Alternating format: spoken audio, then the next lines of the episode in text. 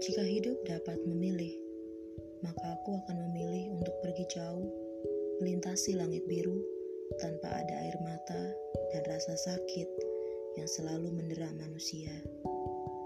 Aku mengamati jalan kehidupan yang selama ini tertempuh oleh waktu dan asa dalam hidup, dan tertera dengan jelas bahwa banyak hal yang tak akan terpahami oleh diri ini. Apakah diri ini terlampau bodoh dapat memahaminya? Ini pun masih menjadi pertanyaan dalam batinku. Lalu aku pun bertanya, apakah arti hidup dan keberadaanku di sini? Benarkah ada rencana yang besar suatu kelak nanti? Tak mampu aku menjawabnya. Jika hidup dapat memilih, aku akan memilih sebagai anak kecil yang hidup di bawah kasih sayang dan naungan orang tuanya. Aku akan tertawa bersama bersamaku, menghabiskan waktu tanpa harus terbebani oleh tugas-tugas yang mendera orang dewasa. Jika hidup dapat